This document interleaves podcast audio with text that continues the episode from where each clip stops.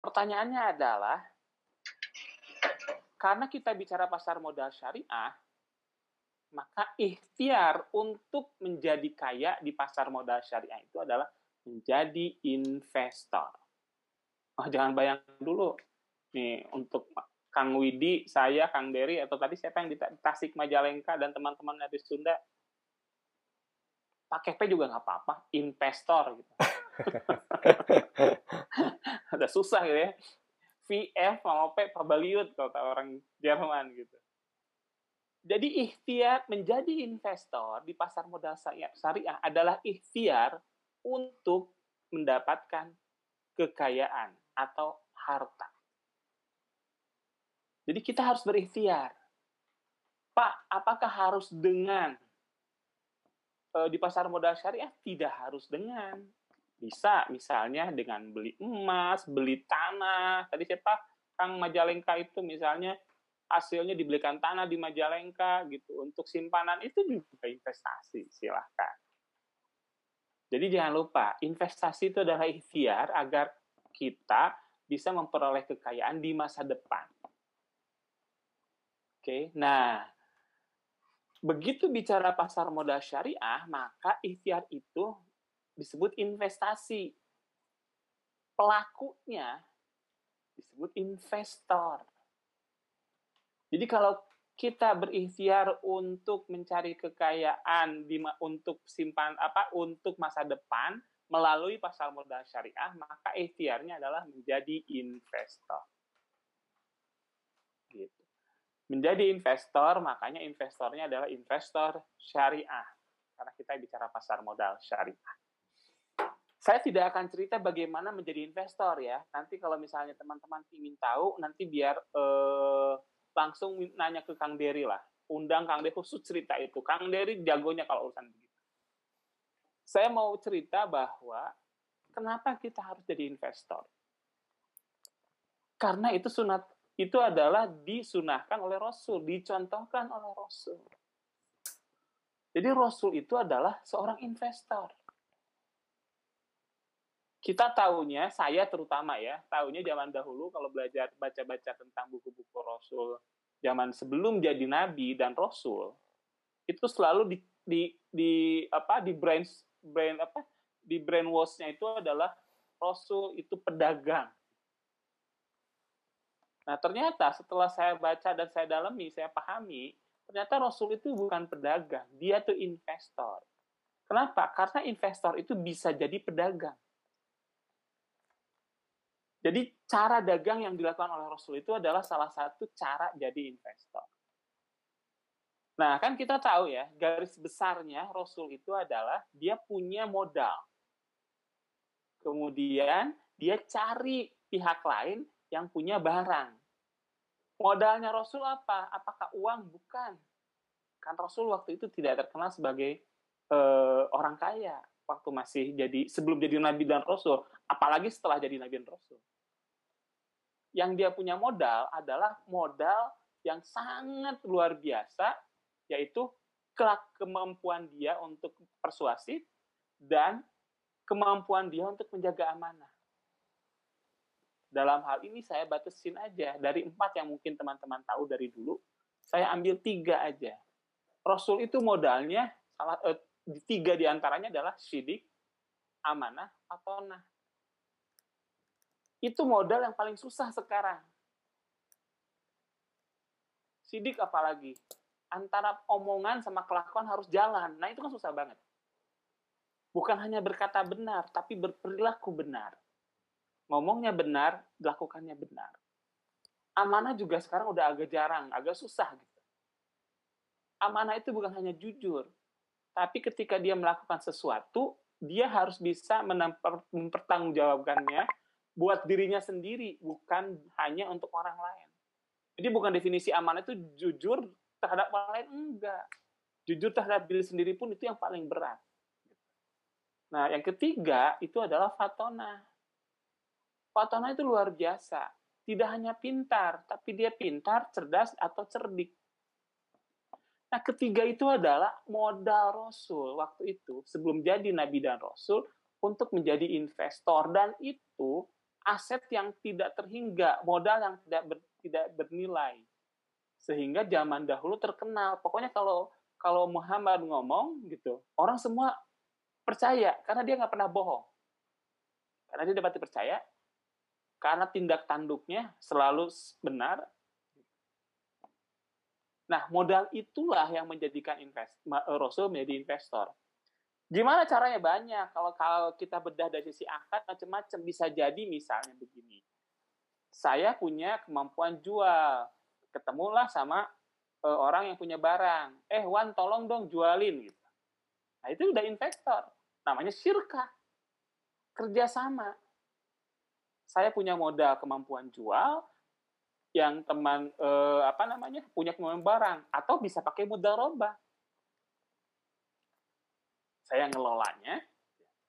Nah, itulah yang terjadi dengan Rasul pada saat itu. Sehingga beliau ketemu sama istrinya, Siti Khadijah. Siti Khadijah itu orang terkenal kaya raya. Dia ketemu sama Rasul yang luar biasa modalnya. Kemudian dia melakukan kerjasama, partnership, macam-macam gitu. Itu yang belum belum banyak uh, sejarah atau dalil atau e, bacaan yang menyebutkan apa sih yang dilakukan Rasul sama Siti Khadijah ketika kerjasama. Saya sih cuma membagi beberapa kemungkinan. Misalnya begini, bisa jadi Siti Khadijah naruh barang, eh tolong dong Muhammad jualin. Ketika jualin itu bisa jadi wakalah. Rasul menjadi wakil dari Siti Khadijah jualan barang. Kemudian dapat ujroh, dapat fee. Atau bisa jadi jualah Bedanya apa? Kalau jualah kan dapat apa laku tidak laku dibayar. Jadi kayak digaji dibayar dapat fee-nya. Kalau wakalah biasanya sesuai barang yang laku. Kalau laku silahkan ambil, kalau enggak enggak dapat. Atau tadi bisa partnership, bisa syirka, bisa mudarobah, banyak ke kemungkinan. Tapi intinya adalah Rasul investor.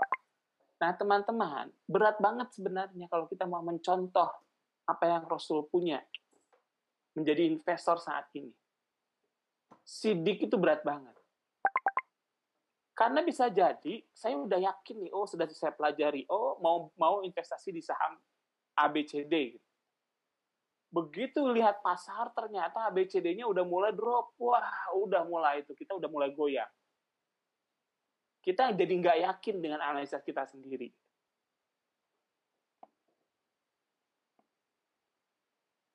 Jadi sifat-sifat yang dibawa Rasul menjadi investor sekarang itu sur, sur, apa berat banget. Tetapi itu yang menjadi indikator standar. Jadi kalau teman-teman mau, mau mau memasang standar perilaku investor syariah yang oke, okay, ya standarnya itu adalah sidik, amanah, petonah. Jadi Rasul adalah seorang investor. Yang kedua yang harus teman-teman pahami. Oke, satu sebelum saya lanjut yang kedua satu hal yang harus teman-teman pahami, investasi itu tujuannya cuma satu ya teman-teman. Cari untung. Jadi apa pun investasinya, teman-teman harus diniatkan saya mau cari untung dari investasi ini. Saya beli tanah. Niatnya investasi bukan untuk ditinggali. Beda ya. Kalau oh, saya beli tanah karena saya belum punya rumah nih, saya beli tanah di Majalengka deh. Buat apa? Nanti kalau mau pulang saya mau bangun rumah itu bukan investasi kategorinya. Jadi nggak usah perhitungkan masalah keuntungan, karena mau ditinggali.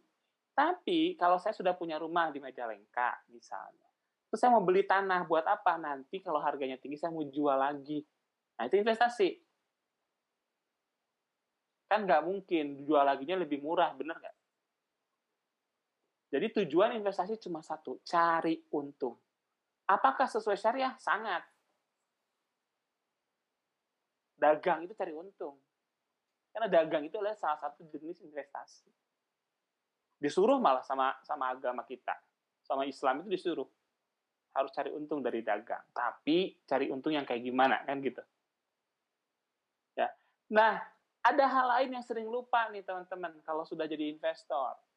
Tujuannya harus cari cu cari untung kalau bahasa pasarnya cuan gitu. Kalau bahasa textbooknya return selalu kita bilang ya pokoknya cari untung aja Terus ada yang nanya, eh lu investasi mau ngapain? Buat apa? Gue nanti mau kalau nanti pulang ke Majalengka, duit investasi ini gue mau beli uh, rumah. Itu bukan tujuan. Itu alasan. Jadi tujuannya cari untung. Setelah dapat untung, untuk apa? Nah, tiap orang beda-beda. Bisa jadi, oh saya mau umroh. Jadi alasan saya jadi investor, saya mau umroh alasan saya jadi investor, saya mau beli rumah. Itu bukan tujuan, jangan salah. Tapi bisa nggak Pak, tujuan sama dengan alasan? Bisa jadi. Teman-teman ke Jepang tujuan awalnya apa? Misalnya. Misalnya saya mau, ada kan macam-macam, bisa jadi tidak hanya masalah cari uang kan. Saya punya pengalaman nih.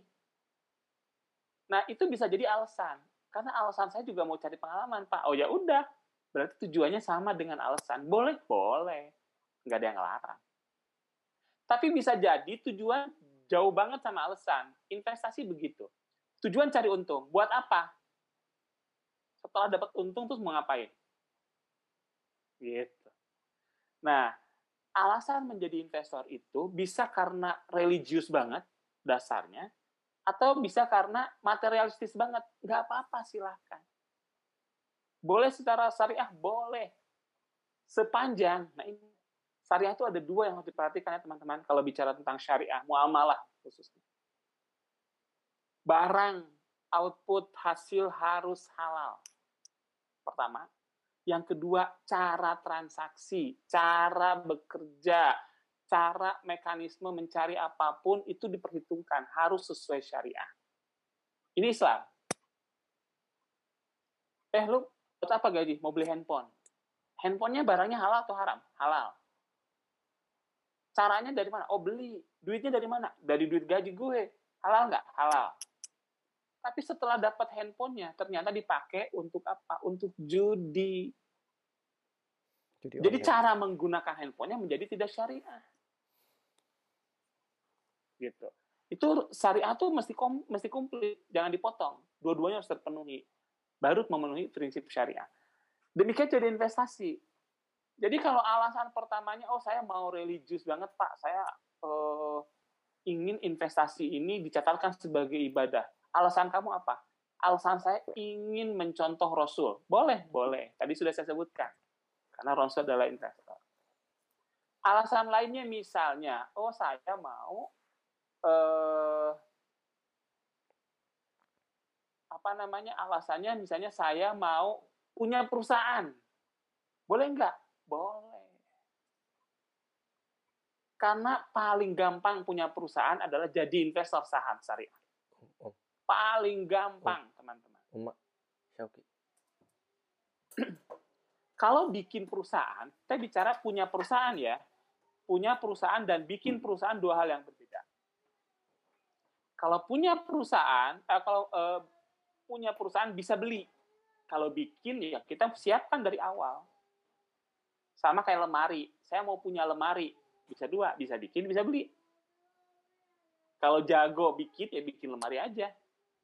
Apakah lebih murah? Belum tentu. Kalau mau gampang, beli. Sama, perusahaan juga begitu. Kan keren. Eh, kerjaan lu di mana? Oh, gue perawat di Jepang tapi gue punya Telkom bro. Gini-gini gue pemilik Telkom. Wah kan keren. Tapi gue punya perusahaan banyak di Indonesia. Weh deh. Apa aja? Telkom Sido muncul misalnya. Antam itu punya gue semua. Bohong nggak? Enggak kalau teman-teman membeli sahamnya ya jadi pemilik Jadi alasan kamu jadi investor apa? Oh saya mau punya perusahaan. Oh silahkan. Modalnya, wah Pak mahal Pak beli Telkom. Kata siapa?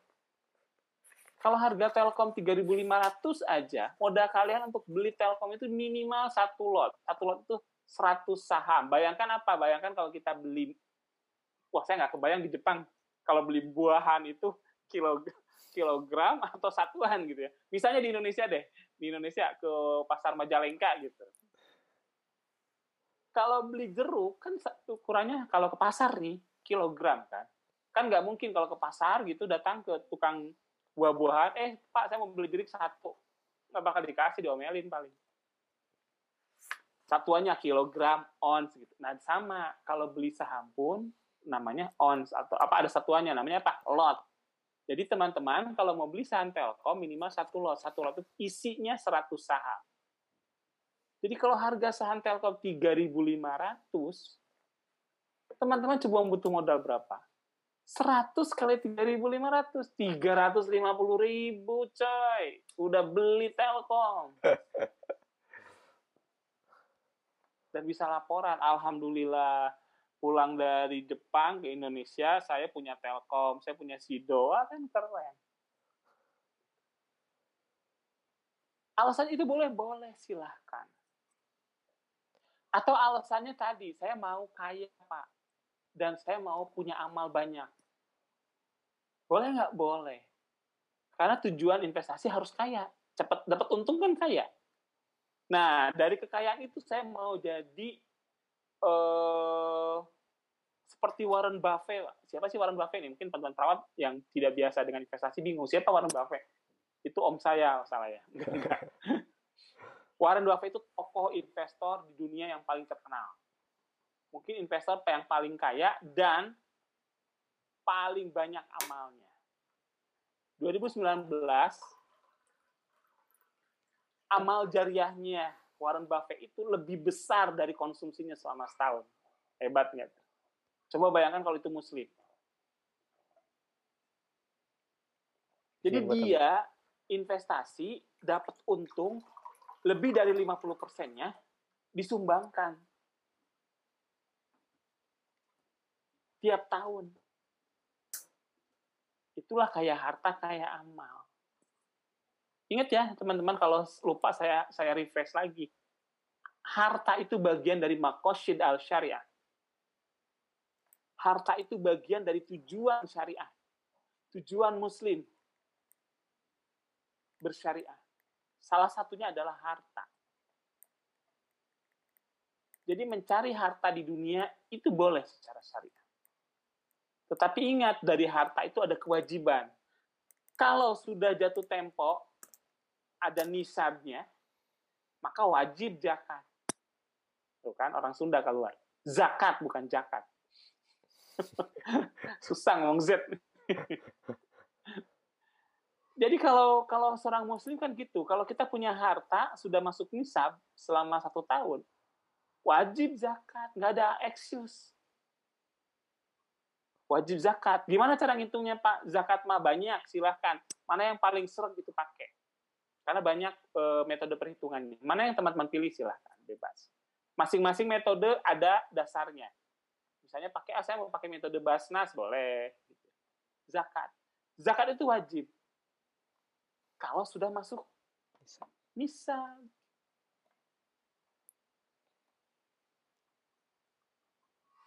Nah, kalau saya belum masuk tapi saya mau amal jariah gimana, Pak? Boleh apa?